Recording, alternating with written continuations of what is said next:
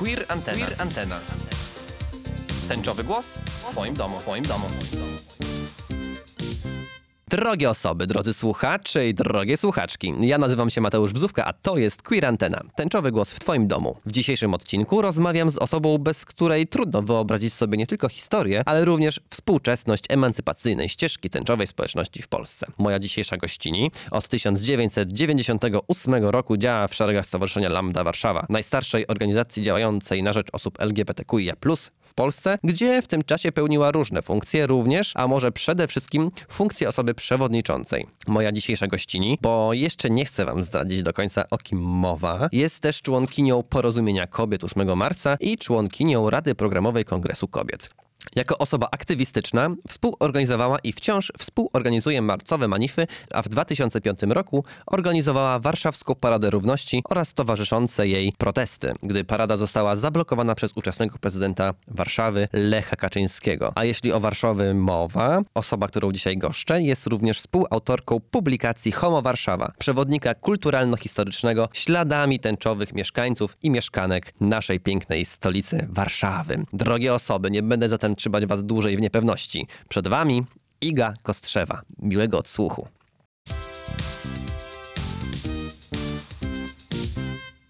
Cześć drogie osoby, witam was w kolejnym odcinku mojego podcastu Queer Antena. Dzisiaj moją gościnią jest Iga Kostrzewa. Cześć Iga, jak się Serwus, masz? Ja mówię serwus. Serwus, serwus. Powitanie z lat 60., e, jak w tym serialu. To był serial, o Jezu.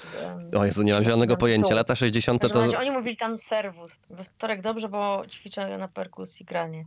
Więc wtorki są fajne. A w środę mamy próbę zespołu mojego. Wow, grasz czy... czy... Gram na perkusji, gram, gram. A, super. I co to za zespół? Opowiadaj. Zespół się nazywa Załoga Janka Kosa. Gramy e, muzykę, no, z grubsza rzecz biorąc, rockową. Własne kompozycje, nie żadne kawery, nic takiego. Mhm. E, No i nagrywamy i my jesteśmy na oczywiście w mediach społecznościowych, po Facebook, mamy też stronę naszą taką skromną i na YouTubie też wrzucamy nasze kawałki, także Jak wygląda dzisiaj y, bycie członkinią zespołu? Dzisiaj mam na myśli czas pandemii, kiedy nie ma koncertów, nie ma wydarzeń. Jak to wygląda? Co robicie? no tak, właśnie mieliśmy takie plany, że chcieliśmy grać y, w tym mijającym roku ZOZO tak zwanym. Mhm.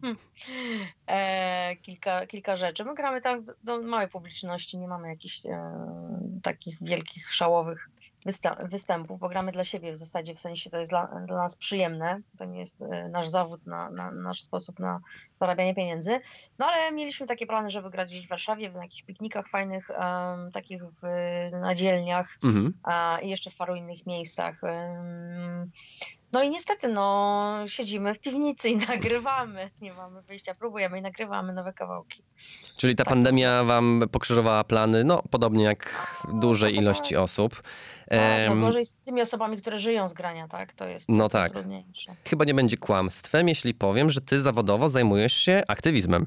Nie, zawodowo się nie zajmuję aktywizmem i O. nigdy się nie zajmowałam aktywizmem. O, no to zawodowo. dawaj, opowiadaj o tym. Nigdy, nigdy się z tego nie utrzymywałam. Pracowałam zawsze równolegle, wiesz, i to, to było tak, że zawsze łączyłam ten aktywizm z pracą zawodową. Mhm. Jakoś tak e, miałam taką koncepcję na życie, że z różnych przyczyn nie chciałam być e, zawodową aktywistką, ponieważ dlatego, że punkt pierwszy. Znaczy w ogóle to na początku nie było możliwe, tak? Bo nie- mieliśmy aż tyle funduszy, żeby komukolwiek płacić stałe, stałe wynagrodzenie typu etat czy coś takiego. Mhm. Bo w ogóle pieniądze były na początku na organizacje jakieś śmieszne w ogóle. To, to są w ogóle, wiesz, teraz robisz rzutkę i ci więcej ludzi wpłaca No tak. na działalność. To raz. Nikt e, się z tego nie utrzymywał. E, A dwa, to jest tak, jeżeli od rana, na przykład od dziewiątej, czy tam od ósmej pracujesz do 15, do 16, 17 jako aktywistka, a potem na przykład jest bardzo ważne wydarzenie, potrzeba iść gdzieś protestować, Mhm. to z takimi aktywistkami jak rozmawiałam, ej, chodź na demonstrację. We, wiesz co, cały dzień tęcza, a potem po południu i wieczorem też tęcza, no mam dosyć. Mhm. Tak? Więc no niestety to tak jest. Więc ja wolałam, żeby to było takie coś, em, coś takiego dodatkowego w moim życiu, żeby też trudniej się było wypalić, tak? Bo okresy wypalenia, momenty wypalenia przychodzą i to przychodzą dla wszystkich osób. Również Niezależnie. dla ciebie? Tak, tak, oczywiście. Wielokrotnie to miałam przez ten czas, przez te prawie 30 lat, bo przed Lambdą też już działałam, chciałam działać, Mhm. coś tam robiłam. E, takie może historycznie zabawne rzeczy, ale punktu widzenia tego czasowego. Mm, Ale jednak. No to od Mm, czego się zaczęła w takim razie twoja, no nie chcę tutaj w takim razie nazywać tego przygodą, bo to trochę jakby umniejsza e, twoim dokonaniom i jakby rzeczom, które, którymi się zajmowałaś, ale no, kiedy się zaczęła twoja w takim razie przygoda, w cudzysłowie, e, z aktywizmem? Wiesz co, to było tak, że ja w ogóle jestem osobą aktywną od kiedy pamiętam. To znaczy tak, w e, szkole podstawowej byłam przewodniczącą klasy, czy coś takiego, już nie pamiętam. To się chyba nazywało jakoś gospodyni wtedy, takie Mhm. głupie słowo, wiesz? Gospodarz, gospodyni, okropne. Um, grałam w siatkówkę, to tam byłam tą całą drużynową, czy jak to się tam nie Harcerstwo też zaliczyłaś? E, no tak trochę liznęłam. Nie, nie za bardzo w to wsiąkłam, jakoś e, miałam inne jeszcze zainteresowania. Potem w liceum byłam wybrana na prezydentkę szkołową. Mieliśmy szkołę z tradycjami. Mhm. A byłam pierwszą dziewczyną, która pełniła tą rolę, to też jest ważne w historii szkoły. Potem działałam w samorządzie studenckim, wiesz, robiliśmy gazetkę wydziałową. E, To też była pierwsza taka rzecz w ogóle na wydziale. Dostaliśmy pokój specjalny od, e, od władz e, wydziału naszego i tam tworzyliśmy gazetkę, która cieszyła się dużą e, popularnością. No i tak dalej, i tak dalej. Więc cały czas coś, coś było, jakieś działanie było, Mhm. tak? Od, e, od kiedy pamiętam po prostu uważam, że to, ta, taką mam energię, chcę to robić, robię coś dla ludzi i tak dalej. No i wówczas jak e, przyszły te lata powiedzmy 90., to ja się interesowałam całą historią LGBT, ruchem, czytałam gazety, to były wtedy najbardziej zasięgowe rzeczy, Mhm. miesięczniki inaczej, Filo i tak dalej. Mhm. Więc czytałam to od deski do deski. No i zaczęłam się tym interesować. Mm, wiedziałam, że tam powstały organizacje i jak tylko znalazłam chwilę, a trochę to trwało, bo miałam dosyć takie mocne studia i jeszcze poza studiami inne zajęcia typu trenowanie jiu-jitsu i granie na perkusji, skończenie szkoły muzycznej i tak dalej, to już, jak już znalazłam tą chwilę wreszcie, to poszłam do Lambdy Warszawa właśnie. Która to Lambda Warszawa właśnie się zaczęła tworzyć. To był 97 rok. W październiku. Teraz mieliśmy właśnie 23. rocznicę powstania organizacji. Wow, gratulacje w takim razie Tak. i najszczersze życzenia. No, dzięki. I, I jak przyszłam, to była taka sytuacja, że jeszcze chwilę zanim e, powstała Lambda Warszawa jako samodzielna organizacja, to chwilę wcześniej, tam w 90 chyba roku była Lambda Ogólnopolska. Mhm. Możecie sobie tylko wyobrazić, że nie było wtedy internetu, ale nie na chwilę, tylko w ogóle. Nie wyobrażam sobie, E. wiesz co, powiem szczerze, zupełnie jak wtedy mogło, No. można było pracować. Nawet teraz przecież widzimy się no. No. na Skype'ie. Tak, tak. Były te, nie, było, nie było telefonów komórkowych w ogóle, nie na chwilę. E, były telefony stacjonarne, niektórzy mieli, nie wszyscy. A, czer- a kol- No i tak- telewizory kolorowe były? Były, tak. tak były. I wyobraź sobie, że w takich warunkach powstała ogólnopolska organizacja Lambda, Mhm. chyba w 90 roku, jak dobrze pamiętam, e, z oddziałami w dużych miastach typu Warszawa, Szczecin, Poznań, Kraków, Gdańsk i tak dalej. No ciężko było dosyć, a nie było jeszcze Pendolino, więc jazda do miasta, m, na przykład na zebrania, tam nie wiem, raz w roku pewnie się odbywały, no to było wydarzenie, tak, trzeba było listy pisać, e, tych ludzi umawiać. Więc e, ona chyba po dwóch czy trzech latach po prostu upadła, ale na gruzach tej e, lampy powstały organizacje lokalne. Może. Mhm. E, Coś tam w Krakowie, coś tam w Gdańsku, coś tam we Wrocławiu i zaczęły się po prostu mm, organizować, ludzie się zaczęli wokół tych organizacji lokalnych. No i tak na, na kanwie tego wszystkiego powstała Lambda Warszawa wreszcie w 97. Ja właśnie przyszłam, bo chwilę wcześniej jeszcze działał telefon zaufania, bo mm, Krzysiek Liszczyński, który jest od, od początku samego, on, on właśnie jeszcze zakładał telefon zaufania, który działał chyba przez dwa lata, bodaj nie pamiętam, w jakimś lokalu na Śniadeckich i tam chyba była pieniądze od miasta, czy z jakiegoś mm, grantu, nie pamiętam, na działalność. I ten telefon y, działał też niecodziennie, w każdym razie takie dyżury były. Taki telefon Mhm. zaufania dla osób, które e, chciałyby dzwonić i potem właśnie powstała Lambda Warszawa, dostaliśmy lokal, malusieńki lokal, bodaj 40 metrów kwadratowych na jakimś poddaszu i ja tam przyszłam, wchodzę tam, a tam trwa remont. E, wszystko jest zrywane i właśnie mówię, że e, chciałabym tutaj się włączyć, e, a chłopacy, ponieważ sami chłopcy byli wtedy, powiedzieli, ok, dobra, jest remont, przyjdź tam we wrześniu czy w październiku, jak już skończymy remont, to wtedy zaczniemy już funkcjonować jako organizacja. No i tak się stało. Przyszłam i dosyć szybko się zaangażowałam, e, zaczęłam też robić gazetkę naszą, mieliśmy taką, e, taki biuletyn, e, Jezu, ja teraz tak nie pamiętam nazw w ogóle, to było tak dawno. Biuletyn Tęczątko, o, tak się nazywało. Tęczątko? Tak, Tęczątko, to był taki biuletyn pisany w Wordzie, wiesz, drukowany i gdzieś tam po jakichś klubach rozdawany, no, no taki śmieszny. Mhm. Potem wysyłany mailem był tak, taki, co się u nas dzieje, plus wydarzenia z Polski i świata. Tak to wyglądało, no i potem też szybko weszłam do zarządu, też prowadziłam telefon zaufania, no różne rzeczy. Mieliśmy wtedy też jeszcze na przykład dyskusyjne kluby filmowe, takie były z wideo puszczane filmy, także no taka cała historia. No i tak to, takie to początki były.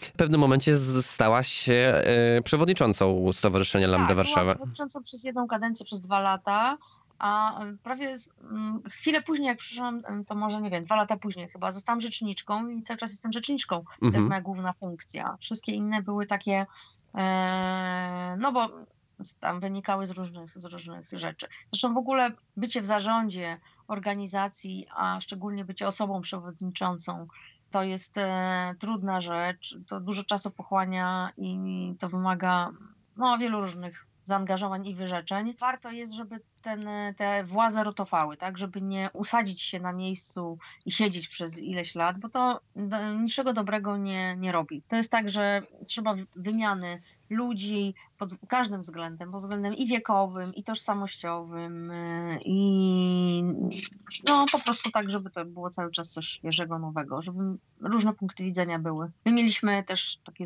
raz czy dwa kryzysy, że już prawie, że zamykaliśmy organizację, bo właśnie było mało osób chętnych do działania, a jeszcze mniej do tego, żeby być w zarządzie, bo to też jest pewna odpowiedzialność. No tak. prawda? No trzeba też znaleźć też czas, a tak jak mówisz, e, ten aktywizm zawsze był taką dodatkową rzeczą po godzinach takiej pracy dzie- codziennej, więc, e, więc no nie dziwię się, że, że było to trudne do pogodzenia. A jak wygląda praca Lambdy dziś? Co tam u was ciekawego w te 23 urodziny? My to tak. Po pierwsze, my nie jesteśmy taką organizacją, która, którą łatwo jest wypromować, która zrobi jakiś, jakąś wielką akcję na całą Polskę. My czegoś takiego nie robimy, nie robiliśmy i robić raczej nie będziemy. Mhm. My się skupiamy na działalności wewnątrz. e, Kiedyś to mówiło się środowiska, teraz się mówi społeczności, bo też przez te 20 czy 30 lat się język bardzo zmienił. Też staramy się e, używać tego języka, nadążać jakby za nim, tak, za tymi zmianami, bo one są też ważne i cenne. E, więc działamy na potrzeby społeczności. Pro, niezmiennie prowadzimy telefon zaufania. Codziennie od 18 do 21 prowadzimy grupy przeróżne, różniste. Dla, dla grupy studenckie, jako pierwszy wprowadziliśmy grupę ukraińską, bo wiem, że ta mniejszość jest dosyć y, spora, jakieś 2-4 miliony ludzi Mhm. I jak tutaj. wam to pyka? Bo jak- jakiś czas Mm, temu rozmawiałem dobrze, z, rozmawiałem jakiś czas temu z Mateuszem Sulwińskim ze Stonewall i oni też Mhm. taką grupę odpalili i ostatecznie w Poznaniu to właśnie nie, nie, nie pyka, nie pykało przynajmniej. Nie, no u nas jest ta grupa, mm, nie wiem, kilkanaście osób chyba przychodzi, jak super. dobrze, dobrze pamiętam. Przypuszczam, że chyba jednak w Warszawie jest najwięcej Mhm. osób z Ukrainy, także to też mm, jest jakby ważne. Przygotowaliśmy ulotki, informacje właśnie w języku ukraińskim, także to jakoś tam się e, fajnie rozeszło. Mamy też grupę seniorską, to już od kilku lat prowadzimy i ona też jest taka e, fajna, bo opowiadały mi osoby, które hostują tej grupie, że e, oni się tak e, ze sobą e, zakumplowali, że się w ogóle zaczęli kłócić między sobą. Także to, to było bardzo, bardzo ciekawe. No szereg różnych takich właśnie grup, wszystko jest na stronie u nas w kalendarium, e, w takim tygodniowym grafiku, co się dzieje. No, z racji pandemii to też musieliśmy się trochę przenieść do online'u, więc przez jakiś Skype, y, tam te osoby, które prowadzą te grupy, decydowały się na różne formy takie online'owe. E, Oprócz tego u nas dzieje się też dużo takich rzeczy dodatkowych. Na przykład mamy chyba raz w miesiącu takie spotkania kulturalne wokół książki jakieś, albo spotkania z jakimiś e, ważnymi osobami, typu, nie wiem, coś tam pisarze, czy coś takiego, czy tam. No, kiedyś też mieliśmy spotkania z politykami, na przykład polityczkami. Jaruga Nowacka kiedyś u nas była nawet i dużo osób przyszło. E, Kazia Szczuka, jak Mhm. wydawała swoją książkę Milczenie owieczek, to był tłum się w ogóle nie zmieścili ludzie, pamiętam. Także mamy takie różne, w zależności kto, kto przyjdzie i jeżeli ma ktoś jakiś pomysł fajny na, na działanie, to my staramy się w ogóle to wszystko włączać, wkręcać. Także przez te lata mieliśmy bardzo takie różne propozycje dla ludzi, przeróżne, bo i- a wystawy też u nas były przecież. Jak była na przykład w zeszłym, parada w zeszłym roku chyba, e, to była, to była wystawa o historii, bo a, bo to co ważne, zapomniałam, najważniejsza sprawa. Mhm. Teraz my prowadzimy największe archiwum LGBT w Polsce. A, no właśnie, to jest super sprawa. To jest, e, tak, to jest w sumie nowa i stara rzecz, dlatego że e, to, się, to jest taka e, sytuacja, że my cały czas przez lata gromadziliśmy różne materiały. No i gromadziliśmy sobie to było, ale w końcu przez te lata się nagromadziło tyle rzeczy i one się stały tak cenne, że postanowiliśmy to ubrać w coś takiego, co się nazywa właśnie archiwum. E, tutaj e, nasz nieodżałowany Krzysiek, który mocno się bardzo e, angażuje w to, wpadł na pomysł, żeby wydawać czasopismo takie historyczne LGBT i Queer Storia to się nazywa i już pierwszy Mhm. numer wyszedł, teraz drugi się szykuje. O, super. Bo też uświadomiliśmy sobie, że przecież ludzie, którzy żyli jeszcze w PRL-u i mają du- dużo, dużo lat, oni też umierają, a tej historii w ogóle nigdzie nie ma. No tak. Swoje archiwum prowadzi Karol Radziszewski, bazując trochę na innych e, rzeczach niż my, Mhm. no ale staramy się to ocalić, tak? Każdy robi tam jakąś swoją, swój wkład do tego. No i Krzysiek e, zbiera te materiały po różnych osobach, które po prostu mają jakieś albumy e, zdjęć. Mhm. No jak, jak to się ogląda, to jest w ogóle niesamowite. Jakieś, jakieś listy, które ludzie pisali. E, Pojechał do Gdańska po jakieś duże archiwa tam, też od, od faceta, który już jest trochę wiekowy, do Wrocławia. Teraz e, mogę, mam nadzieję, że uchylić rąbek tajemnicy właśnie z Izabelą Filipiak, obecną morską. Przeprowadzał wywiad w Gdańsku. Mhm. E, Ona też ma swój udział w historii mocny. Także tworzy ten, ten, to czasopismo, drugi numer powstaje. No i mamy te zbiory i cały czas one się powiększają i je zaczęliśmy też digitalizować, no bo to jest też ważne. No właśnie, bo chciałem zapytać, y, co z, właśnie co z tymi rzeczami, które archiwizujecie, robicie?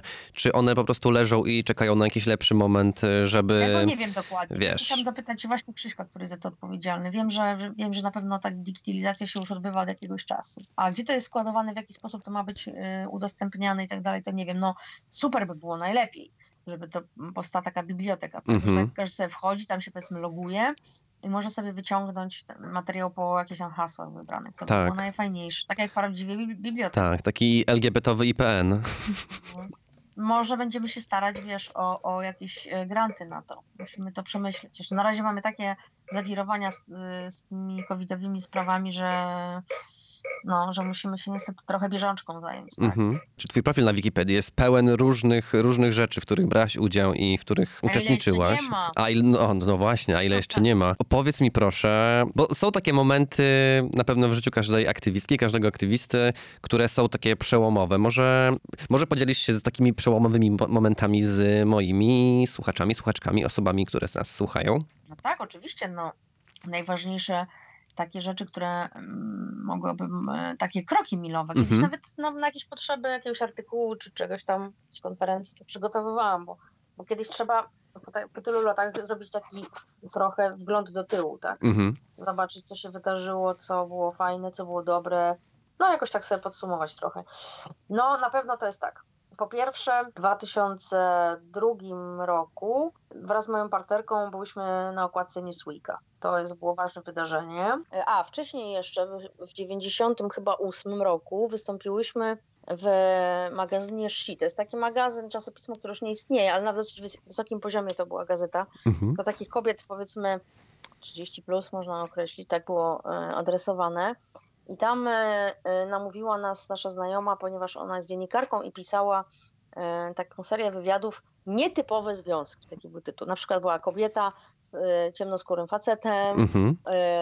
młodsza kobieta, starszy facet, no i właśnie my jako para niehetero, tak? Wtedy Mhm. się w ogóle nie używało takiego słowa. Mhm. To w takim razie jak was, jak was przedstawiła? A, to musiałabym, wiesz co, nie wiem, z- zobaczyć ten artykuł, no w 90 to było 8. No tak, nie, to by, no jak pytam, a jakby to było wczoraj, a no przecież nie było. Oj, no.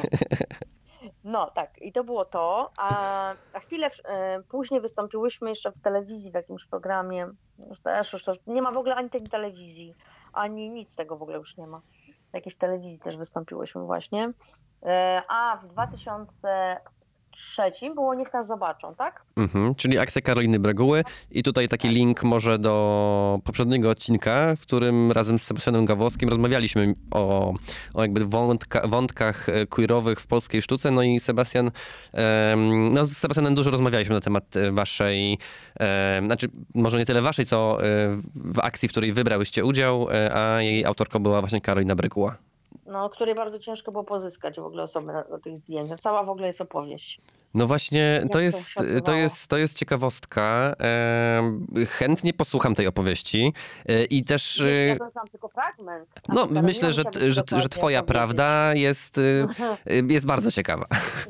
Ja wiem, że Karolina zrobiła nabór. Wtedy to nie wiem, czy jakieś ogłoszenia się dawało, nawet nie wiem, gdzieś, może gdzieś w internecie.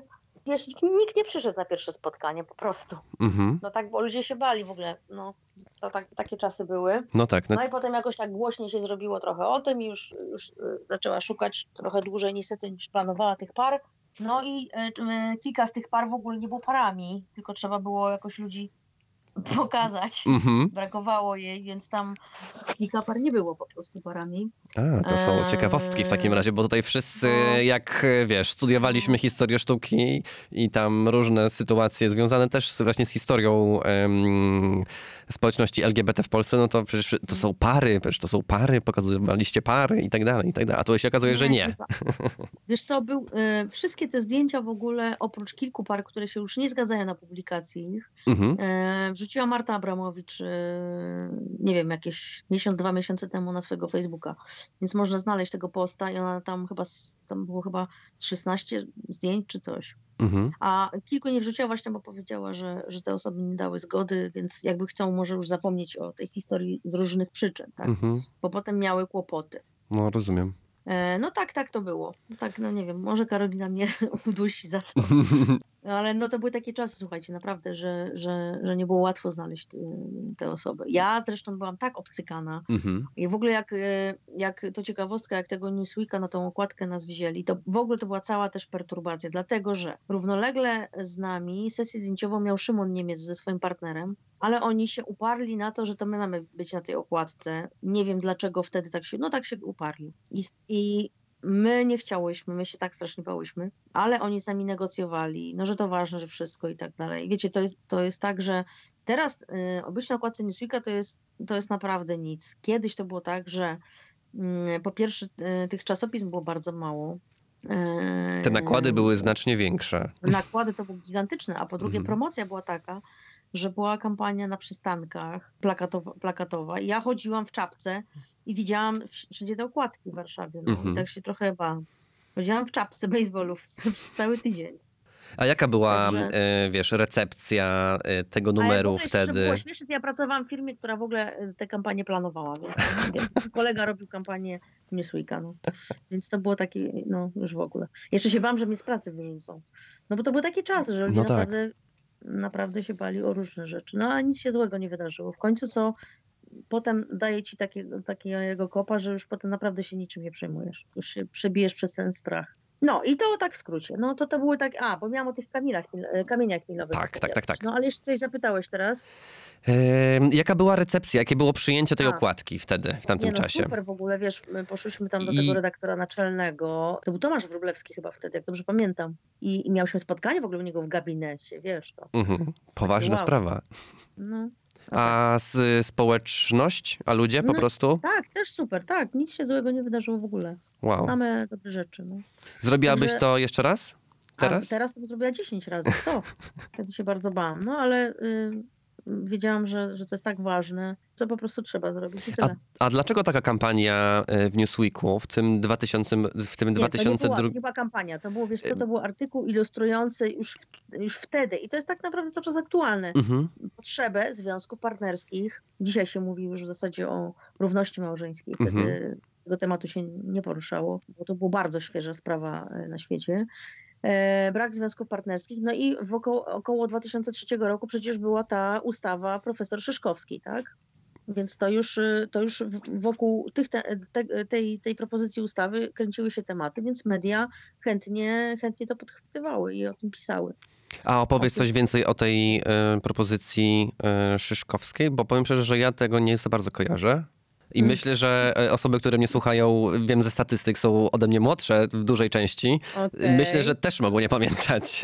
Dobra, Ja miałem w 2003. 2002 roku miałem 12 lat. Okej. 2000, y, wiesz, musisz poprawić mnie, jeżeli y, nie pamiętam, czy to był trzeci, trzeci, chyba w trzecim roku to było, w 2003. To była propozycja em, bardzo na tamte czasy progresywna, ale uwaga, gdyby nie e, różne drobne z punktu dzisiejszego widzenia zdarzenia, to ta ustawa naprawdę mogłaby przejść wtedy, dlatego że nie było ani takich krzykliwych polityków, y, polityczek, którzy teraz y, wyzywają nas po prostu od, od jakichś e, zaraz tęczowych. W ogóle nie było takiego języka kompletnie. To, był, to było jeszcze takie pokłosie tamtych czasów, że no dobra, jesteś tym gejem, ale okej, dobra. No tak gdzieś sobie tam w domu coś pokryjomu, nie, Mhm. ale nie było w ogóle tak.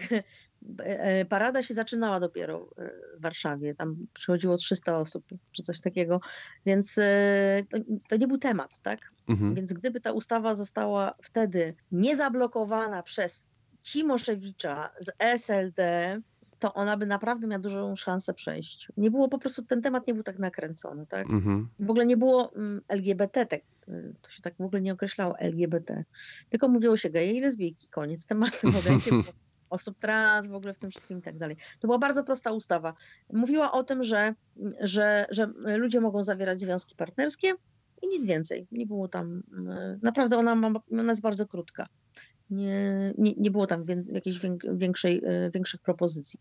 Więc gdyby, szansa oczywiście taka, gdyby to było przegłosowane, to na tej ustawie byśmy od wtedy mogli ją rozwijać, tak jak to się stało we Francji, bo we Francji było tak, e, że była ta, ten PAX, czyli takie właśnie e, związki partnerskie cywilne i oni tą ustawę tak e, z roku na rok do przodu rozwijali, że na koniec końców te paksy były prawie identyczne jak małżeństwa. Więc co zrobili? Wprowadzili równość małżeńską. Mhm. Koniec.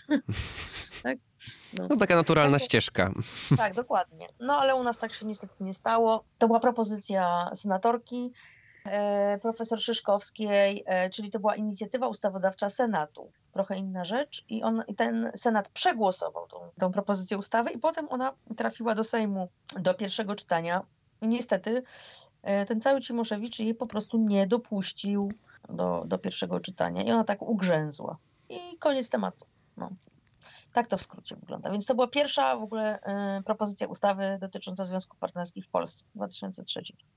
A potem mieliśmy długo, długo nic, a potem to już 2010 to już chyba historia jest bliższa. Bliższa, zdecydowanie, Tak. zdecydowanie bliższa. Ale też zobacz, 7 lat przerwy, tak? No tak, bardzo A długo. pap- papież umarł i to było tak strasznie ważne, że nie wolno w ogóle wielu rzeczy robić, nie wiem dlaczego, no ale tak sobie ludzie wymyślili. No dobrze, teraz kamienie milowe, bo Wracamy do kamieni milowych, tak. To był tak. Niech nas zobaczą. To był kamień milowy w historii ruchu. Taki w zasadzie początek współczesnego ruchu LGBT w Polsce. Bo były te plakaty, były wystawy, dużo bardzo galerii miał problemy. A to zamknęli tą galerię, a to nie chcieli pokazywać, a to kogoś zwolnili, a to coś, a to coś. Więc ludzie mieli problemy z tym. No bo y, to jest taka emancypacja, tak jak, jak Mhm. wszędzie. Jeżeli chcesz zawalczyć o swoje prawa, zaczynasz być widoczny, to ludziom to przeszkadza. W związku z tym ciatak, no wiemy to, tak? Znamy to na co dzień. I oprócz tego, że to było w galeriach, to też były billboardy takie y, przy drogach. Ludzie obrzucali tęczową farbą. Były takie różne nie- nieprzyjemności i osoby z tych y, plakatów, z tych zdjęć miały też nieprzyjemności w życiu prywatnym. Mhm. Ktoś komuś mieszkania nie wynajął, czy wyrzucił z mieszkania, ktoś kogoś pobił w autobusie i tak dalej, i tak dalej. No takie, takie niestety były przykre, przykre rzeczy. Więc to był ten początek emancypacji naszej, tej współczesnej. A czy ta akcja Karoliny Breguły, ona przyniosła jakieś dobre skutki? Ona się przyczyniła y, dla całej społeczności? Czy, No. mm, czy, czy, czy nie? Jak to, jak to oceniasz? Ja, ja myślę, że tak, bo to był pierwszy taki w ogóle, taki nie symbol, tylko taki obraz naszej społeczności, ale w ogóle to było, wiecie, to były stali ludzie, za ręce trzymali się, tam nic nie było innego. No tak. E, to był pierwszy taki, e, taki obraz pokazujący, hej, my tu jesteśmy, tu sobie stoimy. Wcześniej tego nie było. Wcześniej to było, a gdzieś ktoś ma może w rodzinie jakiegoś geja, jakiś tam gdzieś coś. Natomiast to nie było wszystko takie jawne. Tak? Mhm. To było pierwsze ujawnienie się publiczne par jednopłciowych, można powiedzieć. I to takie publiczne właśnie, e, publiczne, publiczne, tak? No tak. że one stanęły i ludzie musieli się z tym konfrontować, musieli patrzeć na nich, stety czy niestety. Także to był pierwszy, pierwszy raz taki, no i to akcja w publicznych miejscach. Ja pamiętam w Warszawie, jakiejś małej galerii, nie wiem, czy to nie było przy Foksal. Była tak malutka galeryjka, że jak tam przyszłam, to w ogóle było trzy razy więcej ludzi niż się mogło zmieścić w tej galerii. Ja nawet się nie dopchałam do tych zdjęć. No, to także to było wow, takie coś. No i też ten nasz polski taki, nie wiem, zaścianek, czy takie myślenia anachroniczne, wiesz, takie, no, takie wszystko po staremu. To, to było takie przełamujące bardzo wtedy. No, więc to mamy ten Kamil, Milo, Kamil Tak, Milowy. dawaj dalej. Zobaczą, no i ten okładka Newsweeka i to się wszystko tak zaczyna kręcić. Na pewno jest tak, że ważne też było 2004-2005, bo w czwartym był zabroniony, wtedy Szymon Niemiec organizował Paradę Równości, w Warszawie była zabroniona, był wiec stacjonarny, ja mu wtedy pomagałam już coś robić, Mhm. a w piątym roku, no to już była słynna parada, liczna bardzo, która była też zablokowana, ale dzięki temu, że wtedy władzy jeszcze SLD było, no to jakoś tak się stało, że ta parada przeszła mimo wszystko, żeby, Mhm. była, żeby była nie... No, jakby nie miała zezwolenia. I pamiętam, to było okropne, bo wtedy właśnie, w tym piątym roku, już wtedy było czuć w piętach, że ten PiS sobie naprawdę bardzo pogrywa przede wszystkim kłamstwem. Mhm. Dlatego, że ja wtedy wystąpiłam nawet u Tomasza Lisa w telewizji O. z tego powodu, bo to było bardzo głośne wydarzenie e, z tym przejściem parady. No już wtedy e, z, z, z, nieżyjący, już zapomniałam też nazwiska, w każdym razie taki polityk mm, nieżyjący z, ze mną się wywiadował tego Tomasza Lisa. I on właśnie mówił o tej koncepcji takiej pisowskiej. Teraz jak sobie to porównam do tego, co się dzieje teraz, co PiS, e, jak, straszne rzeczy wymyśla, e, kłamie i tak dalej, to Mhm. wtedy naprawdę były początki tego. To już można było to wyczuć, ale oczywiście to też nie było takie wtedy oczywiste, że to tak się dzieje. W każdym razie oni powiedzieli, że y, parada była nie, niedopuszczona, dlatego że nie, nie dostarczyliśmy mapki e, ruchu drogowego. Co? Czyli, e, czyli objazdy, Mhm. wiesz, komunikacji. Jeżeli robisz tak dużą demonstrację, no to musisz wyznaczyć alternatywne drogi e, przejazdu komunikacji miejskiej. Tylko, Mhm. że nikt w ogóle z, z żadnych demonstracji, które się odbyły w Warszawie, a były ich naprawdę setki, nie dostarczał i nie opłacał żadnych mapek, bo to Mhm. robiło po prostu miasto, tak? I oni się do tego przyczepili i to było takie, pamiętam, kłamstwo na żywo w telewizji, że po prostu mnie tak wkurwiło to wtedy, że o Jezu, no to było straszne, wiesz, bo jak mówią ci po prostu jakieś głupoty takie, nie? I oni są tak przekonani o tym, e, że to właśnie o to chodzi, a to jest temat zastępczy, tak? Bo tak naprawdę oni nie chcieli e, e, pozwolić na paradę, bo pewnie czuli, przewidywali, że coś ona uruchomi, tak? Mhm. No i uruchomiła. No i uruchomiła, zakazując uruchomiła. No, dokładnie. Ale to wydaje mi się, że to jest też taka ich praktyka, którą od samego początku mają, a nie biorą sobie w ogóle żadnych wniosków z tego wszystkiego, co, co robią. No dokładnie. No a potem to już poszło z górki, bo marsz w Krakowie obrzucany kamieniami, e, marsz w Poznaniu, który był też nieprzyjemny. Ja potem e, z kilkoma osobami poszliśmy, trzema dziewczynami poszliśmy do sądu się sądzić z tymi pisowcami wtedy. Okropnymi też, to było to okropne to przeżycie, to, ten sąd, jeżdżenie. Wtedy świętej pamięci Hołda nam pomagał, y, był Zbigniew Hołda, profesor e, zasłużony właśnie w- z Helsińskiej Fundacji Praw Człowieka, nam pomagał mocno w tym procesie. Adam Bodnar wtedy nam pomagał, on O. pracował tam e, jako taki no, prawa ręka Hołdy wtedy. Mhm. No, także stąd, stąd go znam. No i, ta, i tak dalej, tak toczyły się różne rzeczy. W dużych miastach były cały czas marsze, par, parada w Warszawie. W 2010 odbył się Euro W Warszawie, ale nie był taki wcale liczny i strasznie deszczowy. Padał taki straszny deszcz, nie było tak dużo ludzi. No i też dużo osób nie przyjechało z zagranicy, bo się po prostu bało przyjechać do Polski, bo ludzie wiedzieli, że tu nie jest niefajnie. Bo w, tych, czasie tych em, marszów, parad, często niestety rzucali ludzie w nas kamieniami, jajkami, pomidorami, czym się dało, butelkami i tak dalej. Takie były sytuacje. Pamiętam nawet ktoś chyba ze Szwecji oberwał w łeb i był po prostu, on bardziej był przerażony tym, że dostał w głowę niż, że mu się krew leje że to Mhm. w ogóle jest możliwe coś takiego, tak? No, w Krakowie było okropnie, tam ci e, kibole zawsze się gdzieś namawiali, tam są takie dziwne jakieś skwerki, uliczki i oni po prostu nagle łubudu gdzieś tam wybiegali i albo w bramach spuszczali po prostu w pierdol ludziom, to było straszne. Też e, w Poznaniu było nieciekawie, no i tak dalej, i tak dalej. No także, no ale coraz więcej ludzi, coraz więcej ludzi zaczęło przychodzić i wreszcie jak paradę przejęła Julia Maciocha, tadam, Mhm. najlepsza organizatorka ever, po prostu szacun wielki. No to się zaczęło to rozmnażać. Ta parada aż 80 tysięcy było Tak. w 2019 roku. Nie mogłam uwierzyć.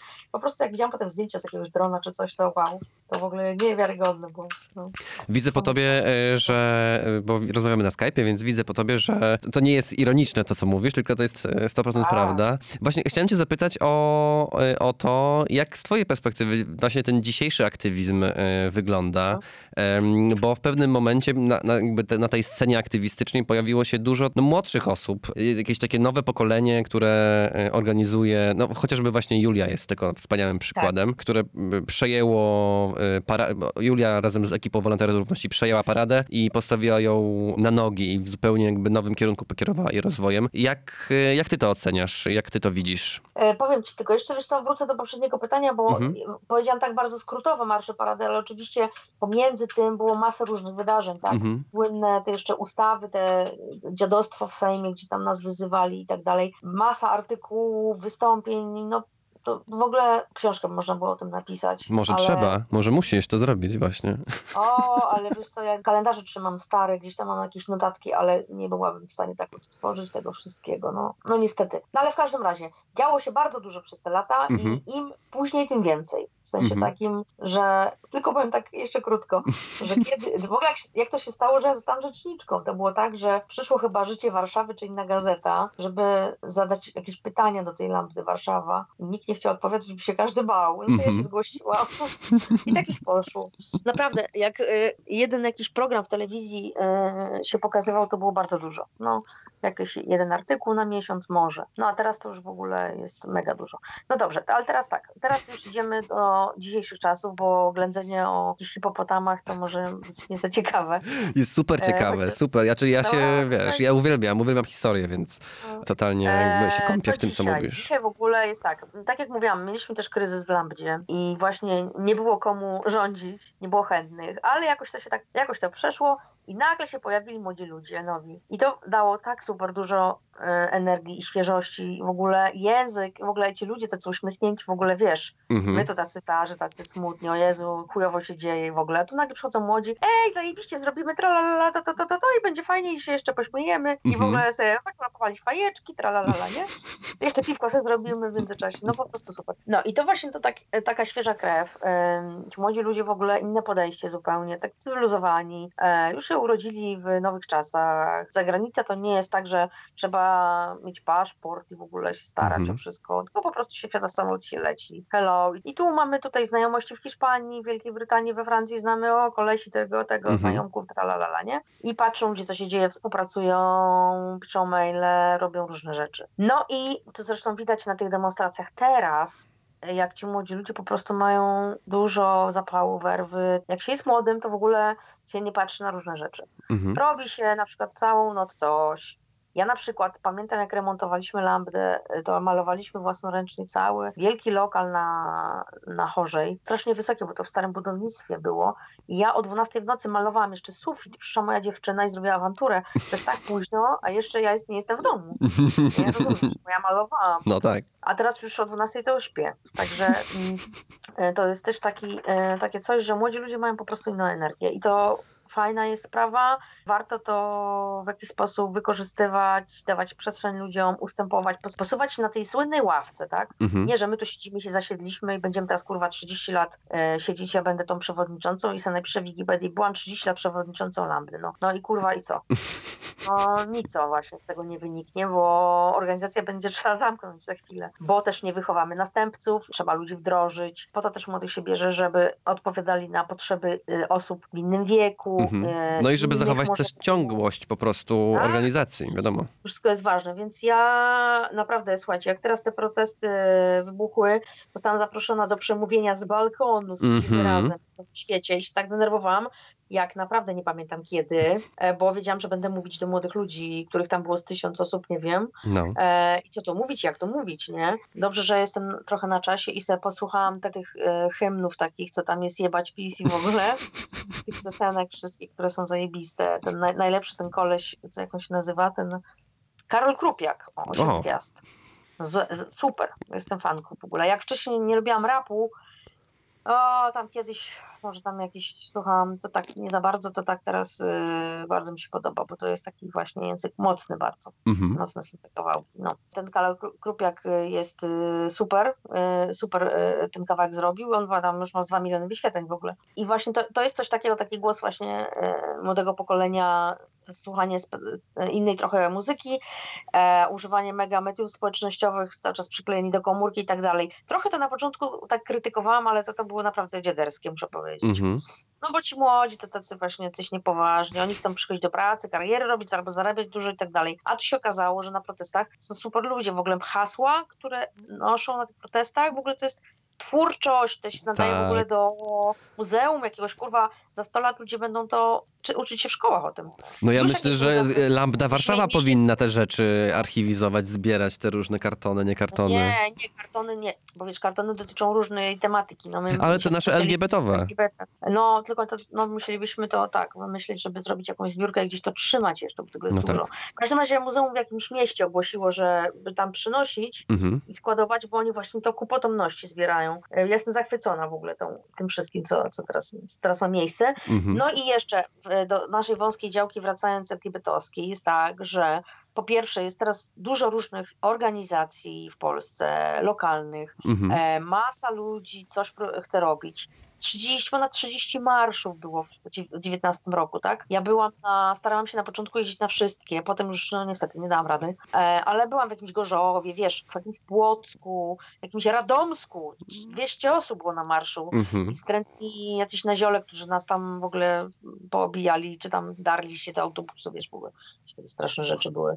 E, także i i w Zielonej Górze byłam, także jeździłam, jeździłam po tych, e, po tych też mniejszych marszach, bo Polska jest nie, nie tylko w Warszawie, nie tylko w dużych miastach, ale Mhm. jak teraz pokazują te protesty, właśnie Polska jest w małych miastach i to jest bardzo, bardzo ważne, bo tam czasami ci ludzie, którzy ro, e, robili te marsze czy inne inicjatywy, robili w ogóle coś po raz pierwszy. Po raz pierwszy w życiu coś organizowali i po raz pierwszy coś w życiu robili dla tęczowej społeczności. I, I dla, dobrze pamiętam, że jak ja miałam 17 lat, ja nie miałam nawet z kim pogadać, tak? To jest strasznie ważne w tym wieku, żeby móc mieć takie, taki swój bezpieczny świat, światek, gdzie możesz iść, e, nie wiem, się wyryczyć, czy tam z kimś pogadać i ktoś e, nie da ci kopa w twarz, tylko ci powie, ej, no zajebiście, spoko, wspieramy cię. To jest bardzo ważne. Tak więc dzieją się te rzeczy, wszystkie, masa inicjatyw, jakichś akcji, no cokolwiek, tęczowy piątek, wszystko co się dzieje. Ja uważam, że tęcza powinna być wszędzie, trzeba napierdalać tęczą i e, jak najwięcej jej. E, osiągniemy wtedy masę krytyczną, a potem już będzie łatwiej. No, miejmy nadzieję, że tak będzie. A nie jesteś zmęczona tą tematyką LGBT-ową? Od tylu lat się Nie. tym zajmujesz. Teraz jestem nakręcona tymi protestami mega, siedzę kurwa na Facebooku, oglądam te wszystkie miasta, po prostu oczy mi wyłażą z orbit, co tam się dzieje. Nawet w moim rodzinnym mieście, w Milanówku, 15 tysięcy mieszkańców i tam jest protest. Pierwszy protest, wiesz, w ogóle nie wiem, czy ktoś widział, moja bratanica pięcioletnia poszła z mamą no, i tam Mhm. zobaczyć, jak to wygląda. No po prostu czat. Wiesz co, no także teraz jestem nakręcona. Miałam tak mm, kilka, dwa, dwie czy trzy fazy może, że już miałam, byłam zmęczona. Szczególnie, że wiesz, to jest tak, robisz coś te 25 czy coś takiego lat i tak naprawdę w prawie nie zmieniło się nic. No właśnie, i to chyba jest najgorsze, kurde. To jest najgorsze, bo to ci państwo, państwo ci faka pokazuje przez ten cały czas. Bo państwo, jeden z elementów państwa to jest prawo, tak? System prawny. I o ile w 2003 była szansa, e, potem e, to różnie było z tymi ustawami, propozycjami ustaw, a mamy jedy, jeden, jedyny przepis w ogóle w naszym prawie, który jest wymuszony przez Unię Europejską, czyli zakaz dyskryminacji na każdym tle, jeżeli chodzi o zatrudnienie. I wszędzie, czy jesteś w pracy, czy się starasz o pracę, czy coś, to nie może być tej, e, tej, tej dyskryminacji ze względu na różne przesłanki. Ale to było wymuszone, tak? Przez Unię. Szkoda, że Unia nie wymusiła więcej rzeczy, żeby No właśnie, to też jest dziwaczne. Nie Jakby, dlaczego tak jest? Przecież Nie, równie dobrze mogliby powiedzieć, że razem z tym całym hajsem ma też, mają być też związki No. partnerskie, jeżeli nie małżeństwa. Wiesz, no to ktoś mi kiedyś wytłumaczył na jakiejś konferencji jakaś posłanka z Hiszpanii albo z Niemiec, że Mhm. to ma też drugą stronę. To znaczy, jeżeli by tak się zdarzyło, że w Unii nagle może nie nagle, ale gdyby tak się zdarzyło, że na przykład zakaz aborcji w krajach różnych i to byłaby domena unijna, to sobie wyobraź, że wtedy by to musiało obowiązywać we wszystkich krajach unijnych. To Mhm. jest trudne do wyobrażenia, ale wiesz o co chodzi. Mhm. No i oni tak e, nie bardzo Unia ma możliwość w ogóle ingerować też trochę w prawodawstwo różnych krajów, może naciskać, no ma różne narzędzia, Mhm. ale nie może jednoznacznie powiedzieć wprost, musicie wprowadzić, bo jak nie to wynocha. No nie ma tak. Przez ten trybunał to się już tam mie, mieli to kilka, pięć par chyba, ten proces przechodzi e, wieloletni, tak jak Włochy przeszły. E, Ludzie po prostu idą e, całą ścieżkę legislacyjną, przychodzą, nie mogą dostać ślubu, idą do Strasburga i Strasburg wydaje jakąś tam coś, nie wiem, co, co oni wydają, opinię czy cokolwiek Mhm. i mówi, y, powiedział tak we Włoszech, wy jesteście krajem, który nie ma możliwości żadnej, tu się nie chroni par jednopłciowych, tralalala, tralalala i tak nacisnął, że w tych Włoszech, gdzie polityka w ogóle jest tak skomplikowana, że nikt jej tak nie rozumie do końca, też jest taki bałagan i też taki seksizm, no tak trochę podobnie jak w Polsce, bo mają wyblisko Watykan. I tam właśnie ta ścieżka zadziałała, że oni w końcu wymusili licznymi naciskami, też oczywiście masa organizacji we Włoszech i ludzi w ogóle, różnych em, rzeczy, które się działy, wymusili, że wreszcie tam te związki partnerskie zostały całkiem niedawno e, zalegalizowane, tak? Także, a my jesteśmy takim krajem ciągle w jakimś takim dziwnym rozkroku. Nie to jesteśmy na wschodzie, nie to na zachodzie. Zobaczcie, co się teraz dzieje. Jest tak, że Mhm. Jak ludzie wychodzą na ulicę i strajk kobiet mają w stosunku do tego, co jest obecnie, mają bardzo radykalne postulaty, które na przykład w Niemczech wcale nie są radykalne, są takie mm, normalne, bym powiedziała, a u nas to po prostu szok, tak? Mhm. I teraz się ścierają takie dwa totalnie skrajne światy. Musi być tak, że to tak zwane okno Overtona się e, przesunie. Mhm. E, Na szczęście przez to, przez te st- strajk kobiet, już zobaczcie, włączałam sobie na przykład e, Radio Nowy Świat, słucham. Dzisiaj patrzę, większość piosenek kobiety śpiewają. W studiu TV24, proszę bardzo, kobiety same można zaprosić do panelu, można. A minęło raptem 12 dni strajków. No I tak. zmiana. No, A dzieje, dzieje się. Właśnie to też mnie ciekawi, czy, bo dużo mówimy o tym, żeby właśnie w mediach były, był parytet, żeby w rządzie był parytet y, płci i tak dalej, i tak dalej. A jak to wygląda w stowarzyszeniach i, i A, no organizacjach e, Bardzo ciekawe. naszych, naszych LGBT-owych? Czy też ten parytet, Wiesz, ja parytet mogę, obowiązuje? Ja nie powiedzieć o innych, bo Mhm. nie wiem, bo musiałabym zobaczyć statut, y, statuty tych organizacji. Co każda organizacja to ma pewnie inny statut, ale Mhm. mogę Ci powiedzieć na przykładzie naszej Lampy Warszawa, jak to się przez lata zmieniało, bo Mhm. my żeśmy z pięć razy już status zmieniali. Między innymi właśnie pod kątem e, takim, paryt, nazwijmy to parytetowym. Mhm. E, na przykład mieliśmy na początku w statucie wpisane coś takiego, że przynależność do organizacji nie świadczy o orientacji seksualnej Mm. były na tamte czasy takie hasła. To teraz jest śmieszne, ale wtedy to było takie poważne. No i na przykład takie rzeczyśmy wykreślili. W ogóle e, język się zmienił. Na przykład mieliśmy też e, słowa homoseksualiści w naszym statucie, to też zostało zmienione. I wprowadziliśmy takie wagi, czyli jak wybieramy do zarządu ludzi, to musi być osoba, która deklaruje się, czy utożsamia się nazwijmy to osobą męską, osobą żeńską, takie jakby przedstawicielstwo, żeby było, żeby to było Mhm. w miarę równe. Jeżeli wtedy na przykład nie ma żadnej osoby kobiecej, tak, Mhm. no to wtedy się dobiera y, spośród pozostałych osób, ale jakby Mhm. uwzględniamy tożsamości, tak. No i w, e, też w którymś tam momencie otworzyliśmy się na osoby trans, zaczęliśmy prowadzić grupę dla osób trans yy, i też yy, zaczęły też osoby u nas działać, to jest ważne, tak. To taka historia w pigułce, Mhm. e, jak to się zmieniło. I język się bardzo zmienił, no, nie mówi się geje, lesbijki, mówi się LGBT, włącza się e, teraz osoby ko- kolejne, no, aseksualne, interpłciowe, niebinarne, tak? Mhm. Po akcji z Margo już to jest jakby tak głośna sprawa. Zupełnie innym językiem się operuje i też staramy się, żeby ten język u nas obowiązywał e, wśród wszystkich osób w towarzyszeniu, zarówno te, które mają jakąś tam władzę, czy działają w komisji rewizyjnej, czy w zarządzie, ale też, które prowadzą grupy, czy nawet przychodzą, bo czasami u nas też osoby przychodzą, nie wiem, napić herbaty, na jakieś luźne rozmowy, Mhm. to też ten język obowiązuje, tak? To, to nie jest tak, że nagle ktoś wypali z jakimś e, hasłem e, rasistowskim i to nie zostanie nic z tym zrobione. Nie, to coś, coś takiego się nie zdarza u nas. Super. Pilnujemy tego. Policja, LGBT-owa policja, po raz kolejny się pojawia No tutaj. nie. Powiedz mi, y, bo y, twój aktywizm to już pewnie prawie ze 30 lat, jak, albo tam między 25 a 30, jak sama mówiłaś na początku. Skąd czerpałaś siłę na to, żeby, żeby to robić? Bo domyślam się, że to nie było łatwe. No i też były te momenty, kiedy e, już jakieś tam było wypalenie i też momenty trudne. Z racji tego, że to też było no, stosunkowo dawno już. Wiesz co, no, na początku to w ogóle to było tak wszystko strasznie, byłam zaangażowana, że sobie nie wyobrażałam, że na przykład, nie wiem, ktoś może inny na przykład maila obsługiwać lampdowego, że to w ogóle świat się skończy, jak ja przestanę obsługiwać. No. Mhm. tak byłam bardzo wkręcona. No ale potem już y, stopniowo musiałam odpuszczać, bo, e, bo co, no byłam jakoś tam zmęczona, wiesz, musiałam sobie po prostu dać taki dystans też zrobić. Nie wiem, tak jakoś naturalnie przechodziło, wiesz. A jak już byłam bardzo zmęczona, no to sobie trochę odpoczywałam. Przestałam być przewodniczącą na przykład Mhm. czy coś. Ale wiesz co, no, potem pojawiało się tak dużo różnych rzeczy, że naj, moim zdaniem najgorzej to jest zrobić tak, że być cały czas w jednym miejscu, być na tym samym stanowisku. To wtedy jest takie, no nie wiem, nic nowego się nie dzieje, nie pojawia jakby. I jakby te, te różne takie rzeczy, które się działy, w które się tam wkręcałam, jakieś różne projekty dłuższe lub krótsze, mniejsze lub większe, to dawały też nową energię po prostu. Ale trzeba na pewno odpocząć. Ostatnio nawet przed tymi całymi strajkami, które się teraz dzieją, strajkami kobiet, protestami, e, no taki jakiś względny spokój był. I tak teraz sobie przypom- przypomniałam, że tak jakoś trochę byłam zblazowana, że Mhm. nic nie dzieje. I się zadziało. I się zadziało na tak, maksa.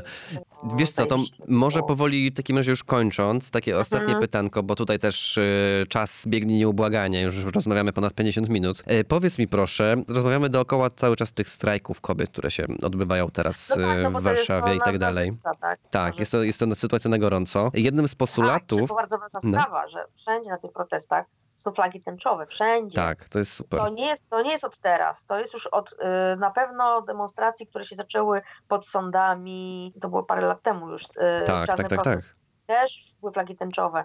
Były oczywiście z tym różne problemy, na różnych demonstracjach ktoś był wyrzucany, ktoś coś, ale teraz jest już standardem, że na wszystkich demonstracjach są flagi tęczowe, ktoś przynosi. To Mhm. jest bardzo, bardzo ważne. Byłem na tym dużym y, piątkowym strajku, no tym największym, który się odbywał, tym Mhm. oficjalnym.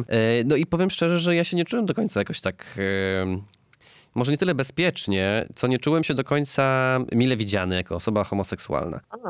Nie wiem, nie wiem czym to było spowodowane. Miałem w sobie jakiś taki jeden dziwny, e, jakiś taki wiesz, wewnętrzny niepokój. Może to było spowodowane tak ogólnie, taką całą tą sytuacją, ale no nie wiem, tak naprawdę nie czuję innego powodu, z którego miałbym się czuć w jakiś sposób zagrożony, to, że jestem e, właśnie to, gejem. spotkały cię jakieś... Nie, nie, nie, absolutnie. Bardzo jestem jedną chyba z tych niewielu osób, które e, w ogóle mm, w całej swojej jakiejś tam, wiesz, historii nie, dos, nie doświadczyły jakichś e, dramatycznych e, sytuacji, za co jestem bardzo wdzięczny, ale no jakby, kurczę, jakoś tak nie do końca czułem się na miejscu, e, na miejscu będąc w tym, Mm. w tym pochodzie, w ty, wśród tego wielotysięcznego tłumu. I wiem, że postulaty strajku kobiet są takie, że LGBT to ludzie, ale trochę to jest dla mnie zbyt ogólnie. Wiesz co, powiem Ci tak, jak ja to widzę. To jest tak. Po pierwsze, jakby sam strajk kobiet powstał na jednym mm, ważnym postulacie, tak?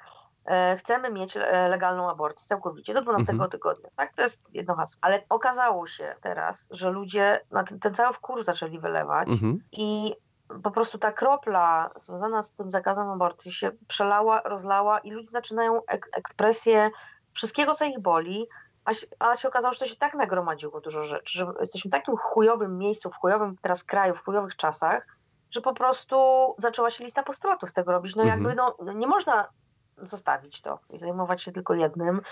Wiesz, nie wiem dokąd to zaprowadzi, bo to jest taka rewolucja, która może się wypalić za jakiś czas, a może nie. Na pewno jest tak, że te, te, te tryby zaczęły pracować. Mhm. I nawet jeśli, nawet jeśli nie osiągnie y, ludzie, ci, którzy protestują, my też w sumie, Mhm. nie osiągniemy pewnych zdobyczy, to już samo to, że coś takiego się wydarzyło, będzie kołem napędowym do dalszych zmian. To jest nie do uniknięcia po prostu. Nie do uniknięcia. Prędzej czy później. Po prostu to, punkt przegięcia nastąpił już teraz. I teraz tak, w tych wszystkich protestach tak dziwnie się stało, bo gdzieś tam ten, ten temat LGBT uciekł na początku, został gdzieś zapomniany, ale on wszedł. I to jest, dla mnie to jest sprawa oczywista, że ta fala protestów nawet jeżeli zapomniała o tym, to jest też symboliczne, nie zapomniała, bo nie uważa tego za istotny temat, Mhm. tylko tak oczywisty, że o tym się po prostu nie mówi. Kumam. Tak ja to odbieram, tak? Żeby było ciekawiej, przecież Marta Lempart jest w związku z kobietą w ogóle. Mało to jest poruszane, tam gdzieś jakiś wywiad z z nią kiedyś był. I to też jakby tak naprawdę nie ma znaczenia żadnego, tak? Żadnego Mhm. w ogóle. No tak. Bo ona y, jest literką tego, tego ruchu. I samo podejście w ogóle młodych ludzi do, do kwestii LGBT jest tak y, po prostu oczywiste, że to w ogóle nie ma o czym gadać. Natomiast, natomiast też czytałam komentarze y, na Facebooku Strajku Kobiet, ludzi niezadowolonych z tego Mhm. powodu, że tęcza się pojawia, że są postulaty, że się coś rozszerza i tak dalej. Nie wiem, nie potrafię tego trochę sobie wytłumaczyć, z czego to wynika, bo w tej chwili jedziemy tak naprawdę na jednym wózku. No na tak. jednym wózku, bo jeśli chodzi o strajk kobiet, ogólnopolski strajk kobiet, czyli tę organizację, tę fundację, która to od, y, zapoczątkowała Czarne Parasol, to bodaj było 4 lata temu i teraz znowu zainicjowała te, te protesty, to jest tak, że jak czytam sobie komentarze y, na Facebooku, to niektórzy ludzie y, właśnie pisali, a po co te tęczowe flagi, bo przecież walczymy o aborcję. Niezadowoleni jacyś tam byli, tak, że na przykład tam strzała była tęczowa za długo, jeden dzień, coś tam, Mhm. jakieś głupoty takie. Uważam tak, póki mamy to, co mamy, mamy chujowy ust, znaczy ustrój nie, chujowy, chujowe czasy, chujową politykę, chujowe rządy przede wszystkim, e, dziadowskie takie, dziaderskie, takie reżimowe, no rządzą tacy po prostu coś pojebani kolesie, to jedziemy na jednym wózku, bo oni cały czas nas spychają kąt w te same marginalne miejsca, czyli tęcza jest zarazą, kobiety mają rodzić bez względu na wszystko i w ogóle są cały czas gdzieś tam po, pomniejszane i całować rączki, ale prać skarpety, tak? To jest taka rola kobiet ma być. Więc skoro jesteśmy w tych gorszych y, y, rejestrach y, y, dla władzy, to jedziemy na jednym wózku, bo walczymy cały czas o te same prawa. A trzeba jeszcze dodać fakt, że tęczowe flagi się pojawiają od wielu lat już na różnych demonstracjach, na manifach kobiecych, przy różnych miejscach i mm, w jedności siła to jest w ogóle też jedna, jedno z haseł, które się teraz przewijają, że bądźmy razem, tak? I szczerze mówiąc, to jest fajna strategia. Dobra, też y, e, przecież dużo kobiet przychodziło na e, e, i przychodzi na parady, na paradę równości, na marsze równości Mhm, no tak. osób wspierających, więc mm, to oczywiście nie jest tak, że nagle wszystkie osoby LGBT popierają postulaty OSK, bo tak nie jest, ale te osoby, które są świadome, są aktywistyczne i wiedzą, na czym ten sojusz polega, kobiety i LGBT tak zwane, które są myślące, progresywne i tak dalej, i tak dalej, to tak będą robić i to jest właśnie zajebiste, ja to bardzo lubię. Mm, Jest nas po prostu wtedy więcej, więcej też osób rozumiejących się, na czym polegają prawa człowieka i współczesne prawa człowieka generalnie, tak? To, czego jesteśmy w Polsce pozbawieni po prostu, więc póki co jedziemy na jednym wózku. No to w takim razie pozdrawiając z tego wspólnego wózka, em, Mhm. no mam nadzieję, że, że, że dojedziemy do jakiegoś miejsca, gdzie prawa wszystkich osób, nie tylko mniejszości, chociaż jest tak naprawdę większością, nie tylko dla kobiet, ale też e, nasze prawa LGBT-owe będą bardziej respektowane i będą bardziej mm, dostrzegane. Iga, bardzo ci w takim razie dziękuję za, za to nasze dzisiejsze spotkanie, za tę naszą dzisiejszą rozmowę. Było mi bardzo miło gościć cię na Queer Antenie. Mam nadzieję, że spotkamy się jakoś niebawem, czy to na proteście, czy to może na jakiejś miejscóweczce gdzieś, e, chociaż nie, przecież wszystko jest pozamykane, co ja gadam w ogóle. No nic. No tak, ale za jakiś czas. tak, za jakiś czas. Także e, Iga, bardzo ci jeszcze raz dziękuję i do usłyszenia. Super, trzymajcie się ciepło i zdrowo, papa. Pa, Hej. pa.